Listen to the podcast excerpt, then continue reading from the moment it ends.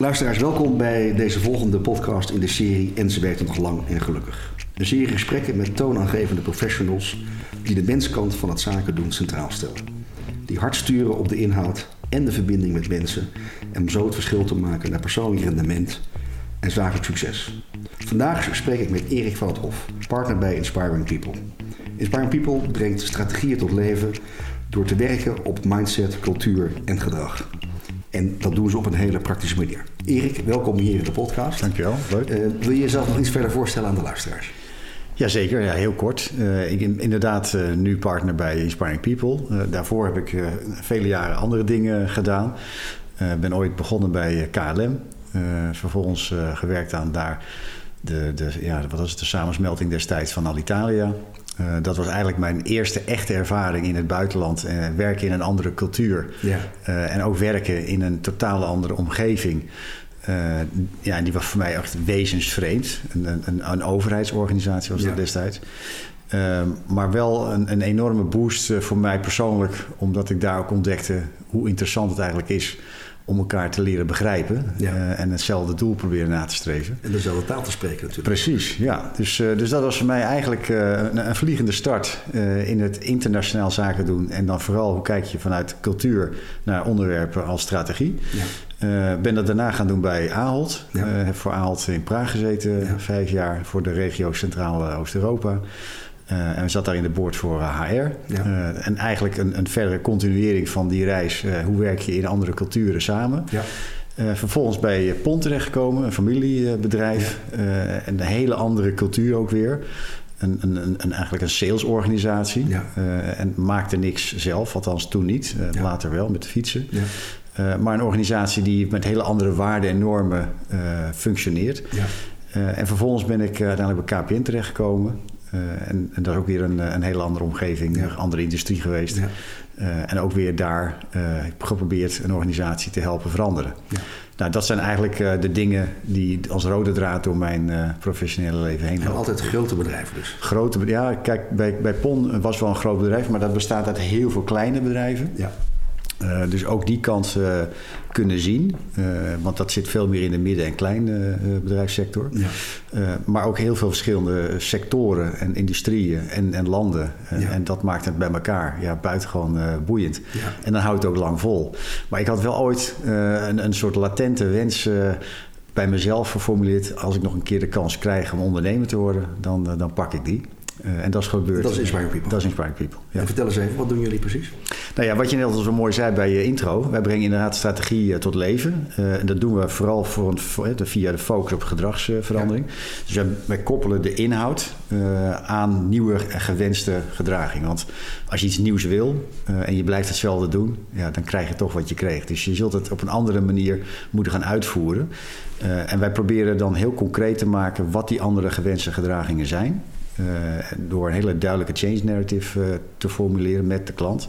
En van daaruit uh, ook te werken aan heel snel implementeren van dat nieuwe gedrag. Ja. Dus, dus vooral doen. Ja. en dat, dat doen we vooral door eigenlijk alle dots met elkaar te verbinden. Vanuit verschillende disciplines die bezig zijn met, met change.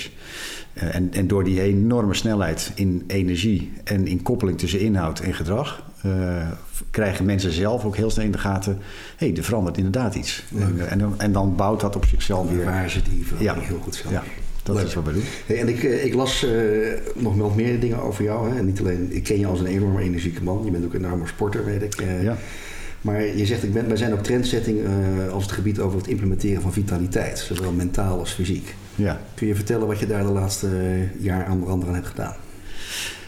Ja, god, nou kijk, het is natuurlijk een hele bijzondere tijd uh, geweest afgelopen jaar. Want iedereen zat opeens thuis, althans de mensen die in een kantooromgeving uh, werken. Ja.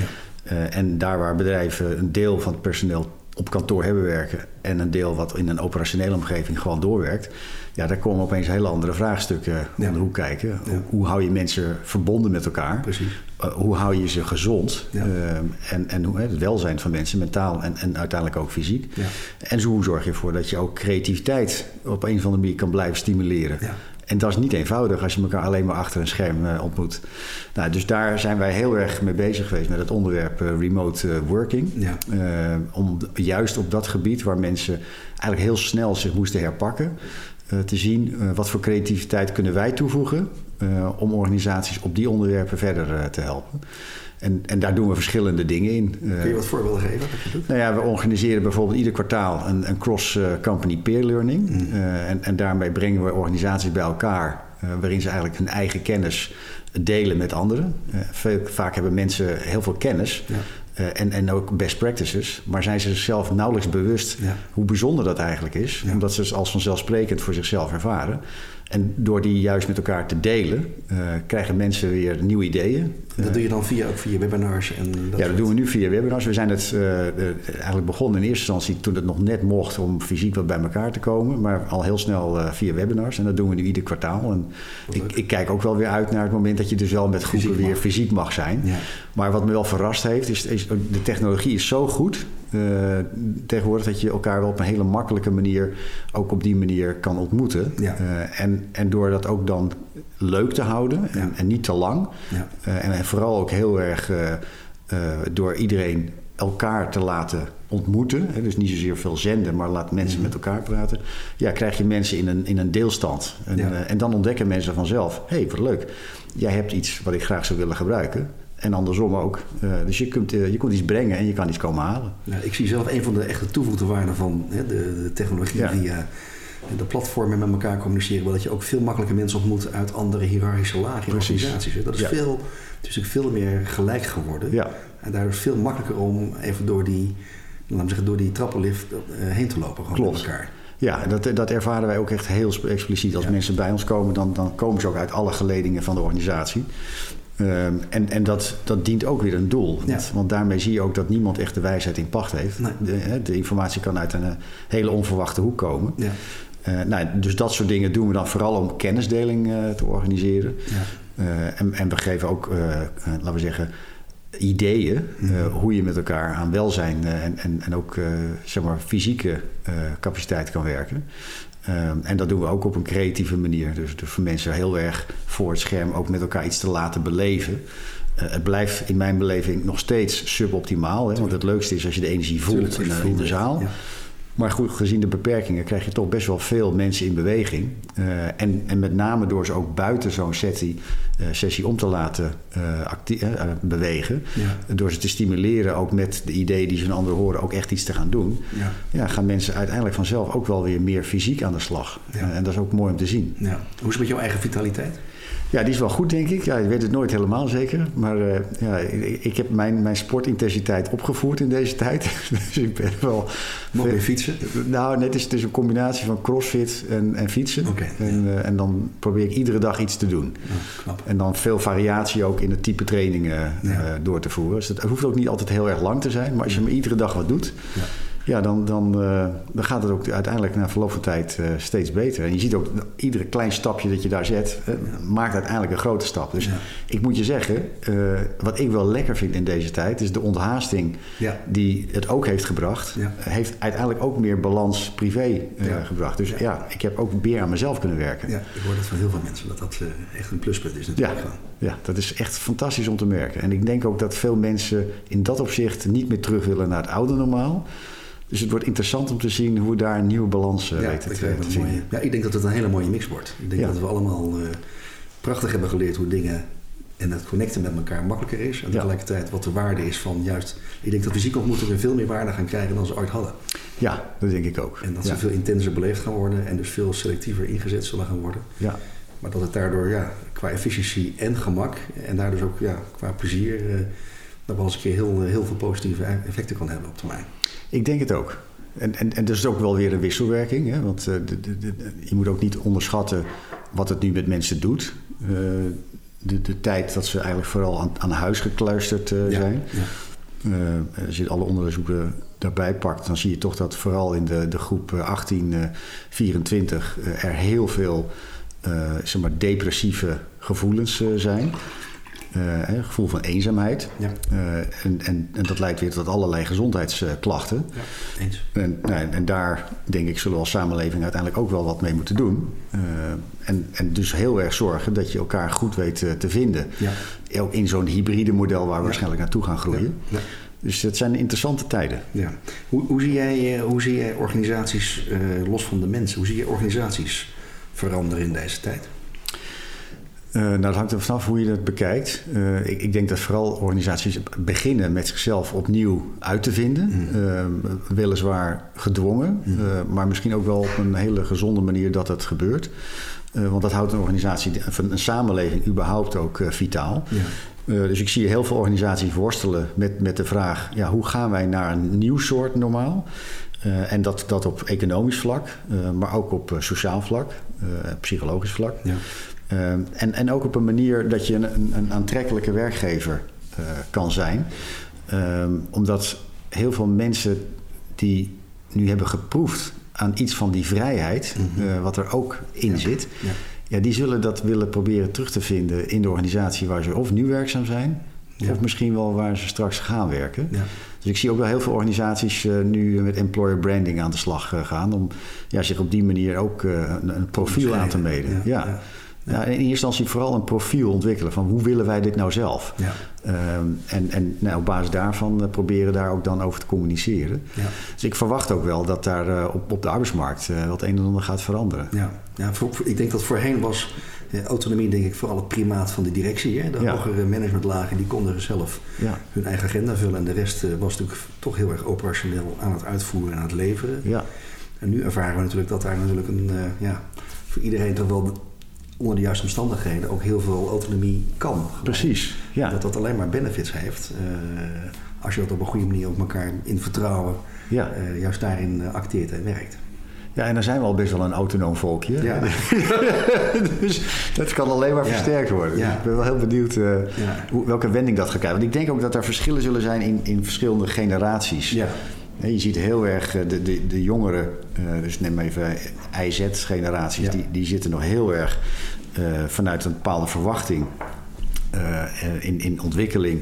Maar ook in de manier waarop je je wil verbinden aan een organisatie. Hè? Welke, welke, welke purpose, wat ja. een populair woord is. Ja. Maar, maar, welke zeg maar, betekenisvolle ja. rol mag je spelen? Dat wordt een steeds grotere rol. En, en daaroverheen zie je allerlei grote vraagstukken die organisaties uh, raken, die we ook als samenleving uh, uh, zeg maar, hebben. Klimaatverandering, energietransitie. Dat zie je in andere generaties die meer op de beslisserstoelen zitten. Eens. Zie je ook wel veranderen. Ja. Alleen die hebben wat te verliezen. Ja. Uh, en en, en daar, dat vraagt dus weer lef en moed. Ja. Uh, om te zorgen dat je ofwel de weg vrijmaakt voor nieuwe ideeën, dus ook ja. een nieuwe generatie. Ja. Of dat je daarin mee verandert. Ja. Uh, en, en dan krijg je dus inderdaad weer dat, dat egalitaire effect. Dat, dat je dus niet meer op die control uh, blijft zitten. En dus veel meer durft los te laten. Dus het gaat op cultuurgebied heel veel veranderen. Ja. Denk ik. Ja. Hoop ik. Ja, ik kijk er eigenlijk wel naar uit. Ik vind het eigenlijk wel ook een mooie beweging. En deze ja. coronatijd is misschien wel een soort generale repetitie voor hè, wat er met de energietransitie en ja. klimaat allemaal uh, anders is. En inderdaad het veel meer purpose-driven kiezen voor hè, waar wil ik nou echt mijn bijdrage aan leveren. En ja, het zal denk ik ook vanuit onderop veel meer een druk op leiderschap gaan geven, wat daarop anticipeert. Dat verwachten we ooit uh, de gedachte hebben dat dat zo zou gebeuren. Nee, die versnelling is, is absoluut uh, ja. ja. zichtbaar al. Ja. Uh, en dat begint natuurlijk eerst met, met het maken van nieuwe plannen. Kijk, kijk maar al in naar de, de kabinetsformatie, de onderwerpen die daar op het bordje liggen. Ja.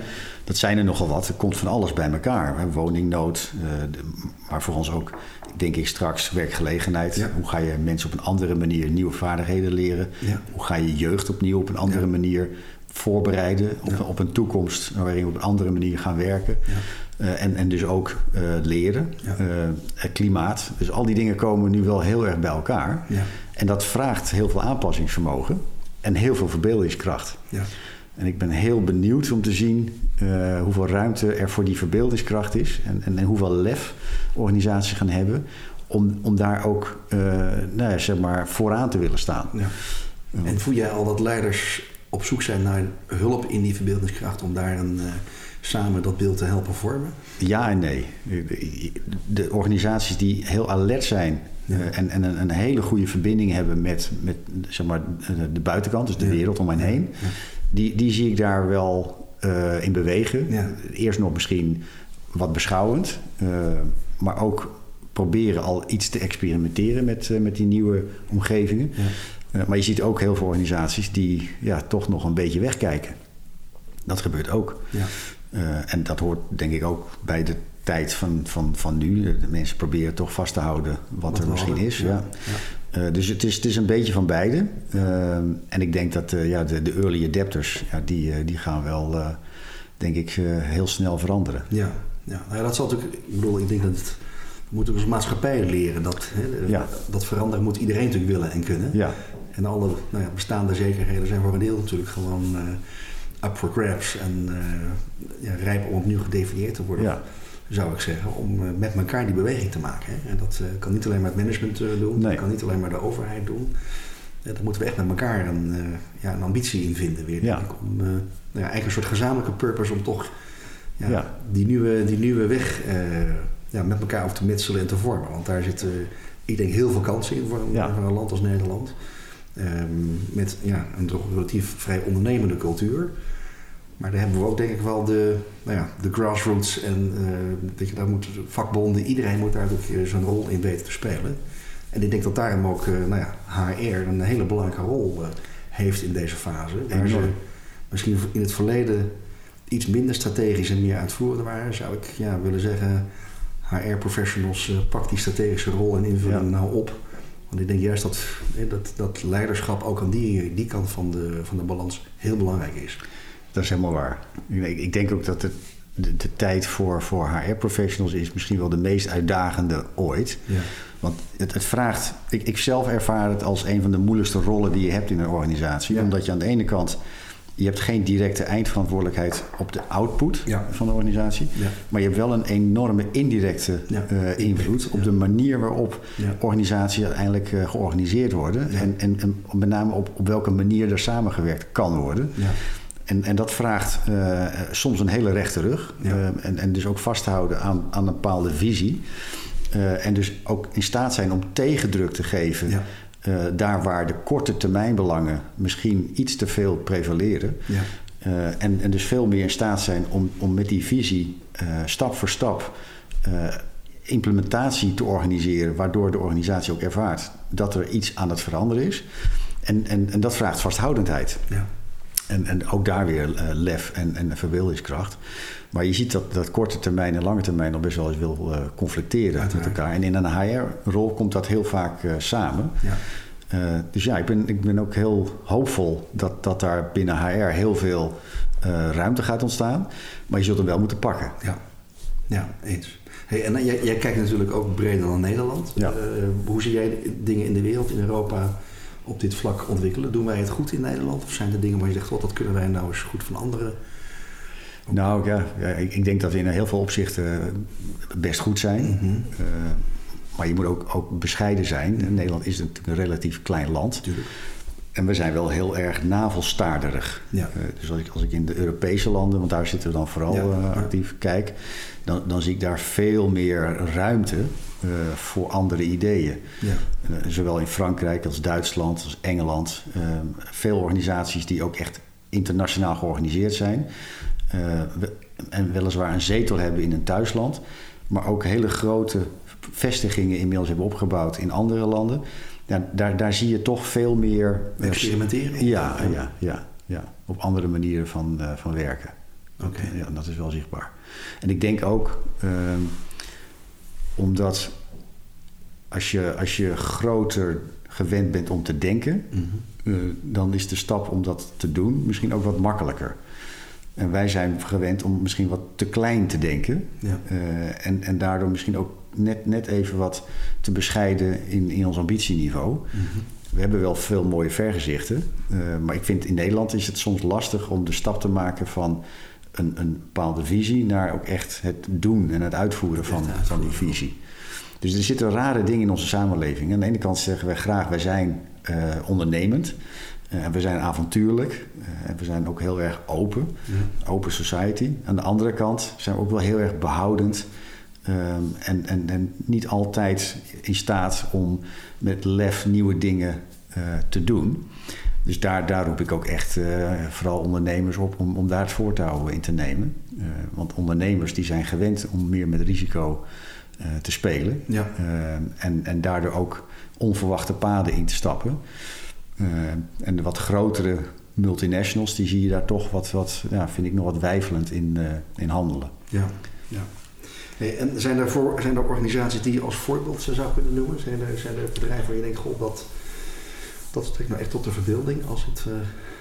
Nou, in Nederland vind ik uh, Tenet wel een hele mooie organisatie. Ja. Die, die is zich heel erg bewust van de rol in de samenleving.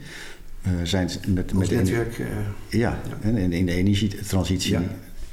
Nou, ik denk in vele opzichten ver vooruit. Ja. Maar hebben ook heel goed begrepen dat de eigen organisatie daarin ook vooral mee moet veranderen. Ja. en die zie je daar ook heel veel in, in investeren. En daar is ook een hele duidelijke visie hoe, hoe de menskant van de organisatie kan meeontwikkelen met, met die energietransitie, waarin ook de rol van Tennet uh, als organisatie naar klanten toe verandert. Ja. Dus daar zie je echt in de top een, een, een, een diep geworteld besef dat ze zelf ook een hele voorbeeldrol te vervullen hebben in, in het ja, zeg maar voorgaan van die verandering. Ja. Dus dat vind ik wel heel mooi om te zien. Want het is een organisatie die relatief onbekend is. is het is een hele grote organisatie. En speelt ook in onze energiehuishouding een grote rol. Dus dat vind ik wel een mooi voorbeeld. Ja, en gebruiken zij die die transitie die ze dan zelf daarmee meemaken ook heel erg in, juist in hun employer branding, in het verhaal wat ze naar buiten uitstralen? Of is het nu nog vooral intern gericht? Het is uh, vooral nu nog intern gericht. Ja. Je ziet wel stapjes uh, richting employer branding nu ontstaan. Want zij zoeken natuurlijk heel veel mensen. Hè? Zij roepen natuurlijk echt Ja. op voor 20, 30.000 Ja. mensen die in de toekomst nodig zijn om hè, in die energietransitie een rol te spelen. Want uiteindelijk moet het, eh, daar gaat geen robot eh, aan te pas komen. Dat zijn nog Nee. steeds mensen die dat moeten gaan doen. Nou, wat ik mooi vind aan hun is, is, is de, de, de manier waarop ze communiceren, is, is heel erg ook eh, eh, via filmpjes de, de, de mensen die eindverantwoordelijk zijn in die organisatie, om die te laten vertellen over hoe ze de ervaring zelf eh, hebben met veranderen eh, en, en hoe ze met elkaar proberen daar vorm aan te geven, zonder te vertellen hoe het moet. En ik denk dat dat op weg gaat naar, naar een employer branding waarin ze zichzelf dus op een manier positioneren. eh, waarin je zowel de, de visie heel duidelijk herkent, Ja. maar ook de kwetsbaarheid dat, dat zij het ook niet allemaal weten. En dat er dus ook een andere manier van denken nodig is waar ze graag Ja. eh, nieuwe mensen voor aan boord willen aantrekken. Ja. En die reis samen maken. Ja. Ja, dat, dat zie ik ook wel bij een aantal opdrachtgevers waar wij mee mogen werken. Dat hè, de, de, ja, die journey die je met elkaar moet gaan maken om te innoveren en die nieuwe kansen te grijpen. ja, dat moet ook nieuw talent eh, aanspreken. Ja, Wat juist weer in de cultuur van de organisatie ook weer een eh, impuls gaat geven. Ja, En beide moet je ook goed bij elkaar laten zien komen. ja. Ja. En dat, eh, dat zijn denk ik wel hele interessante bewegingen die eh, eigenlijk wel versterkt worden door deze situatie. Omdat ehm, we zien allemaal dat de wereld, hè, ook als het gaat om eh, klimaat en energie, echt majeure veranderingen natuurlijk zal Ja. gaan meemaken. En daar zijn ontzettend veel kansen ook hè, voor, voor bedrijven om daar een rol in te spelen. En ik denk ook met nou, wat je zelf zei, vanuit purpose-driven mensen vinden. Ik denk dat iedereen die ziet dat daar een positieve bijdrage geleverd kan worden, daar ook zijn, eh, gra- graag onderdeel van die, van die reis wil zijn. ja. Dat, eh, Nou, we- we- een van onze klanten is bijvoorbeeld de gemeente Amsterdam. Ja. Eh, en, en, en, die hebben een groot fac- facilitair bedrijf. ja. En wat ik prachtig vind in deze tijd om, om te zien, is het herwonnen zelfvertrouwen wat zo'n organisatie heeft voor de stad Amsterdam. Ja. Want die zitten op onderwerpen die, die voor de meeste mensen onzichtbaar zijn. Eh, onder andere de schoonmaak. Ja. Eh, en zorgen dat de stad eh, op orde is. Gewoon heel onveilig is. Ja, en die hebben nu zoveel waardering gekregen, net als in de zorg, hè, ken dat ook. waardoor zo'n organisatie eigenlijk met meer zelfvertrouwen ook intern en extern durft op te treden. En waarin je dus ook de mensen veel meer verbindingen met elkaar ziet krijgen omdat er trots aan het ontstaan is Ja, dat, dat ze daar werken. En, en dat heeft ook een enorme aantrekkingskracht naar buiten toe. eh, waarbij je die organisatie op weg ziet naar een andere vorm van gastvrijheid eh, invullen. Op een andere manier hun kerntaken organiseren eh, en uitvoeren. En, en dat is ook heel gaaf om te zien. Dat ook dat soort bedrijven en organisaties nu opeens zichtbaar worden. Ja. Die voorheen voor heel veel mensen Ja. Niet relevant leken te zijn. Ja. En dat die kracht eigenlijk al gewoon aanwezig is. Ja. Dat het er gewoon al in zit. Precies. En dat moet het eigenlijk gewoon voeden en zuurstof geven en, eh, en een plek geven. Ja, En het is ook voor een deel vaak natuurlijk be good and talk about it. Hè. Er gebeuren veel mooie dingen, maar laat het maar eens zien gewoon aan de rest van de wereld. ja, ja En aan elkaar, intern. Daar begint het natuurlijk allemaal al bij. exact. Ja. Nee, en nou ja, je weet, deze podcast heet En ze werkt nog langer en gelukkig. Ja. Dat gaat ook heel erg over, ja, we begrijpen allemaal dat werken op langere termijn ook op een andere manier ingevuld zou worden. Jij in het begin van het gesprek had je het ook al over, hè, dat we waarschijnlijk uh, werk op een andere manier in de toekomst zullen invullen. We zullen ook ons moeten gaan herscholen, denken we, ook uh, komende uit deze crisis. Hoe, hoe zie jij laten we zeggen, dat ontwikkelen ten aanzien van uh, werkgeluk en mensen echt geenthousiasmeerd houden en betrokken houden bij datgene wat ze graag doen? Nou, ik denk dat het nog veel evidenter gaat worden dat duidelijk is wat, wat je rol is in een organisatie mhm. eh, en hoe die rollen zich verhouden tot de andere collega's. Dus waar begint en eindigt jouw verantwoordelijkheid en dat het zichtbaar krijgen op wat je bijdraagt aan het resultaat. Ja. Uh, dat dat ook hele andere dingen gaat vragen, andere, andere vaardigheden en andere kenniscomponenten bijvoorbeeld datagestuurd uh, werken zal een, een, een, heel groot onderwerp uh, worden, ofwel via AI, ja. uh, maar op allerlei manieren gefaciliteerd, ja. omdat de technologie dat nu eenmaal mogelijk maakt. we willen ook veel meer cijfers tot onze beschikking hebben om ja. daarom betere beslissingen te kunnen nemen. en ik, ik, denk dat er heel veel organisaties aan de slag gaan met het organiseren van nieuwe kennis en ook uh, op een andere manier uh, zorgen dat, dat, dat je rol duidelijk wordt in een organisatie. Uh, en hoe die zich verhoudt tot anderen. En ik denk dat organisaties daarin ook kleiner gaan worden. Kleiner, ja. dat technologie maakt het mogelijk dat je het met minder mensen kunt doen. Ja. Je ziet ook dat heel veel beroepen staan niet voor niks onder druk. Ja. Ehm, dus de, dus, dus de, de, de hang naar hoogwaardig werk, die zal toenemen. Ja. Ehm, en, en zeg maar meer transactionele activiteiten, uh, die zullen steeds meer geautomatiseerd uh, worden. Maar dat maakt dat ook organisaties op een andere manier met hun klanten moeten omgaan. Uh, heel veel mensen, ik weet niet hoe het met jou is, maar die, die, die irriteren zich groen en geel aan, aan, alle geautomatiseerde zeg maar, interacties tussen klanten en, en organisatie. dus ik denk ook dat er een soort hernieuwd inzicht gaat komen dat je kunt weliswaar kleiner en effectiever en, en veel geautomatiseerder nog uh, werken. Maar dat de, de klantinteractie, ja. uh, dat die steeds belangrijker gaat worden. Ja. En daar dus ook een, een, een, ja, een hernieuwd profiel gaat krijgen. Ja, waarde daartoe voegen. Ja, dat, Dat, dat verwacht ik echt. Uh, als je kijkt naar wat we zeggen en wat we doen, hè, dan staan die dingen vaak haaks op elkaar. de generatie 50 plus, die staat in vele gevallen al heel snel langs de kant. Ja. En als je dan tegelijkertijd roept een leven lang werken en leren.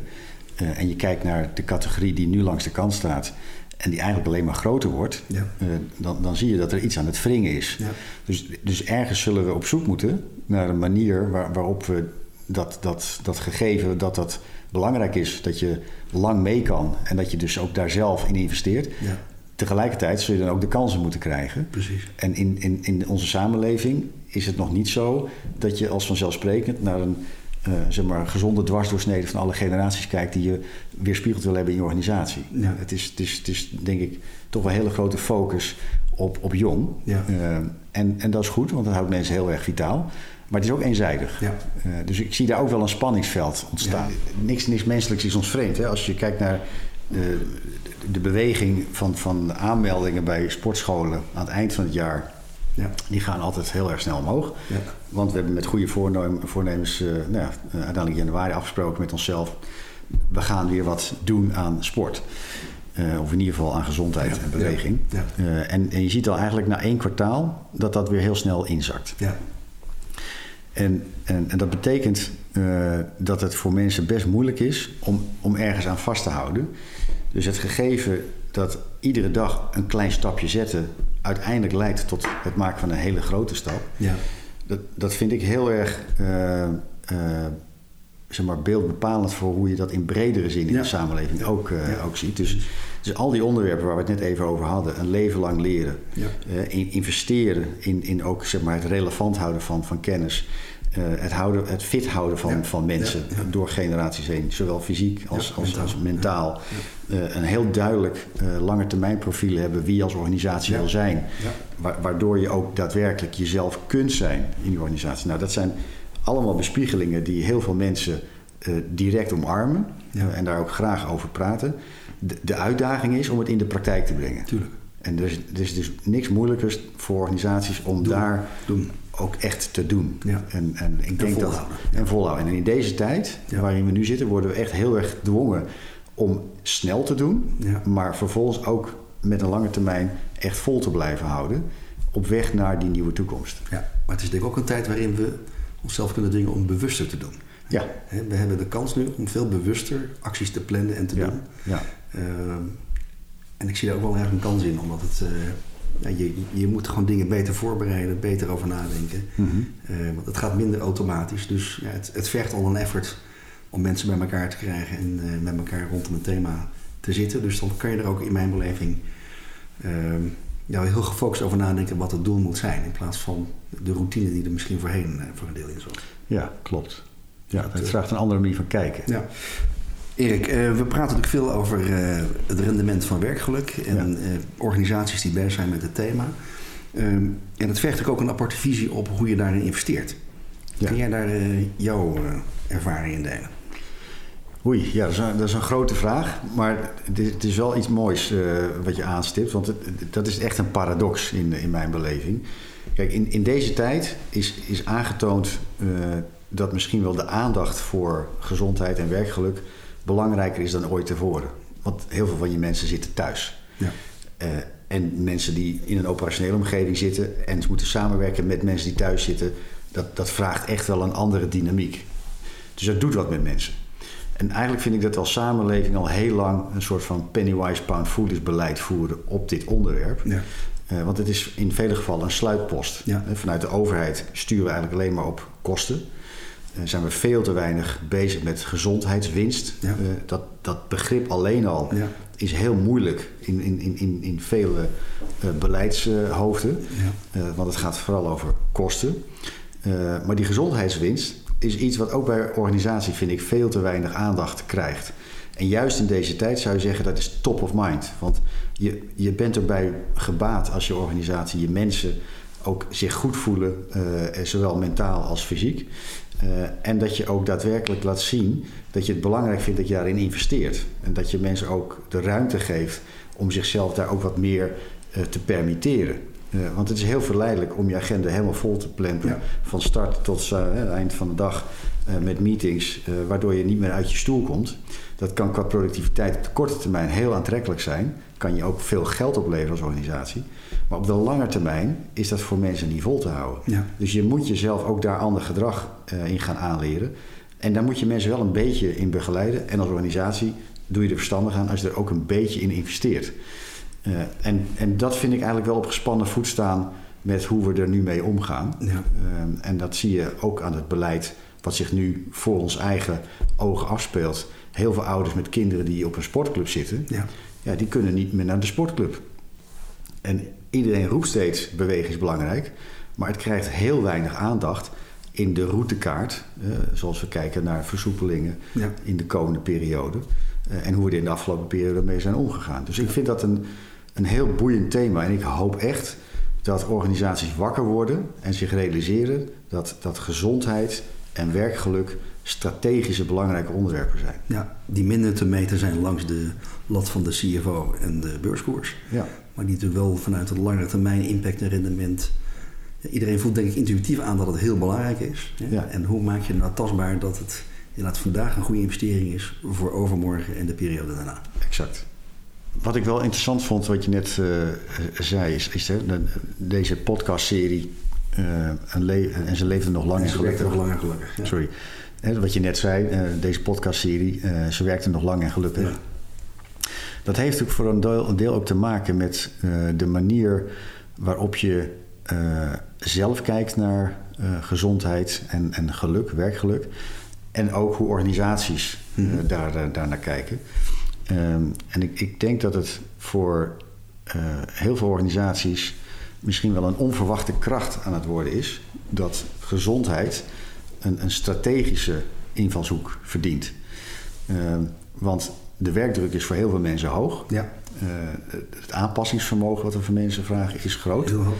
Eh, en daarbij komt eh, dat er ook de kennis is heel vluchtig geworden. Dus, dus je zult jezelf continu moeten blijven uitdagen om relevant te blijven. En dat, dat leidt heel vaak tot een grote focus op de cognitieve kant van ontwikkeling, om relevant te blijven. Maar je ziet heel veel mensen vergeten dat het investeren in je eigen gezondheid misschien wel net zo belangrijk is, of misschien wel belangrijker. Uh, want dan is je energiebalans uh, ook veel beter. En als die goed is, dan ben je ook veel meer in staat om, om nieuwe kennis en vaardigheden te, te, te, te absorberen, te, ja. te leren. Uh, dus, dus zeg maar vanuit de strategie als organisatie kijken naar het onderwerp beweging, gezondheid. Ja. ja. dat is een hele relevante ontwikkeling aan het worden. En ik zie dat veel mensen daar ook gewoon een verwachting hebben. Ja. Doordat je nu meer thuis hebt kunnen werken en ook bijvoorbeeld meer hebt kunnen sporten, ondanks alle beperkingen, denk ik dat veel mensen zoeken naar een manier om dat vast te blijven houden. Ja. En als je dat kunt faciliteren als organisatie, dan denk ik dat je daarmee een winner bent. Hey Erik, we zitten al een, een eentje in het gesprek. Ja. En, uh, gezien het feit dat onze luisteraars ofwel bijna thuis zijn als ze deze podcast in de auto luisteren of anders. Dacht ik misschien tijd voor een paar closing remarks. Ja. Heb jij misschien nog één of twee tips voor mensen die naar deze podcast luisteren? Ehm, als het gaat over langer gelukkig werken, waar zou jij mensen graag mee? Ja, nou kijk, wie ben ik om daar wat van te vinden? Ehm, ik hoop dat, dat, dat als je luistert, dat je vooral in eerste instantie iets doet wat je leuk vindt. Ja. Daar begint het allemaal mee. Eens. Want als het je energie kost om iets te doen, dan gaat op een gegeven moment alles verkeer wringen. Maar als je het geluk hebt dat je iets doet wat je leuk vindt. Ehm, en we vinden ons nu in een tijd uh, waarin we dus naar een soort hybride werkvorm uh, toegroeien. Dan ontstaat er ook nog meer tijd om bewust bezig te zijn met je eigen gezondheid. Ja, uh, en, de, en, en zeg maar die ruimte pakken in de wetenschap dat je daarmee ook langjarig meer kunt betekenen voor anderen. Ja. In je privéomgeving, in je zakelijke omgeving. Ik hoop dat, dat mensen dat inzicht vooral hebben gekregen in deze tijd en, en daar ook daar meer gaan doen. Ja. Dat, dat is misschien wel mijn belangrijkste ja. tip. Ik vind dat een hele mooie eh, afsluiting van dit gesprek. Want ik denk dat inderdaad uh, energie krijgen uh, is energie geven. En ik denk dat je, je bent inderdaad een rijk man als je natuurlijk gewoon, of vrouw als je werk doet of in een omgeving verkeert waarin je heel graag mag doen en ja. je bij de haren mag leveren. En misschien is dit wel juist het ultieme moment voor mensen om daar nog eens heel goed naar te kijken wat ze daar zelf aan kunnen aanvullen, aanscherpen. En uh, ik denk ook met collega's die ruimte bespreken. Ja. Van wat kan ik daar, uh, hoe kunnen jullie mij daarbij helpen en wat kan ik dan weer geven. Dus uh, ik, ik, ik, dat gesprek in deze. De volgende uitzending zal plaatsvinden met Caro Nieuwenhuis. Zij is change consultant en leadership coach. En vanuit haar uitgebreide praktijk gaat ze met ons in over de impact van digitalisering op bedrijfsprocessen en werkgeluk.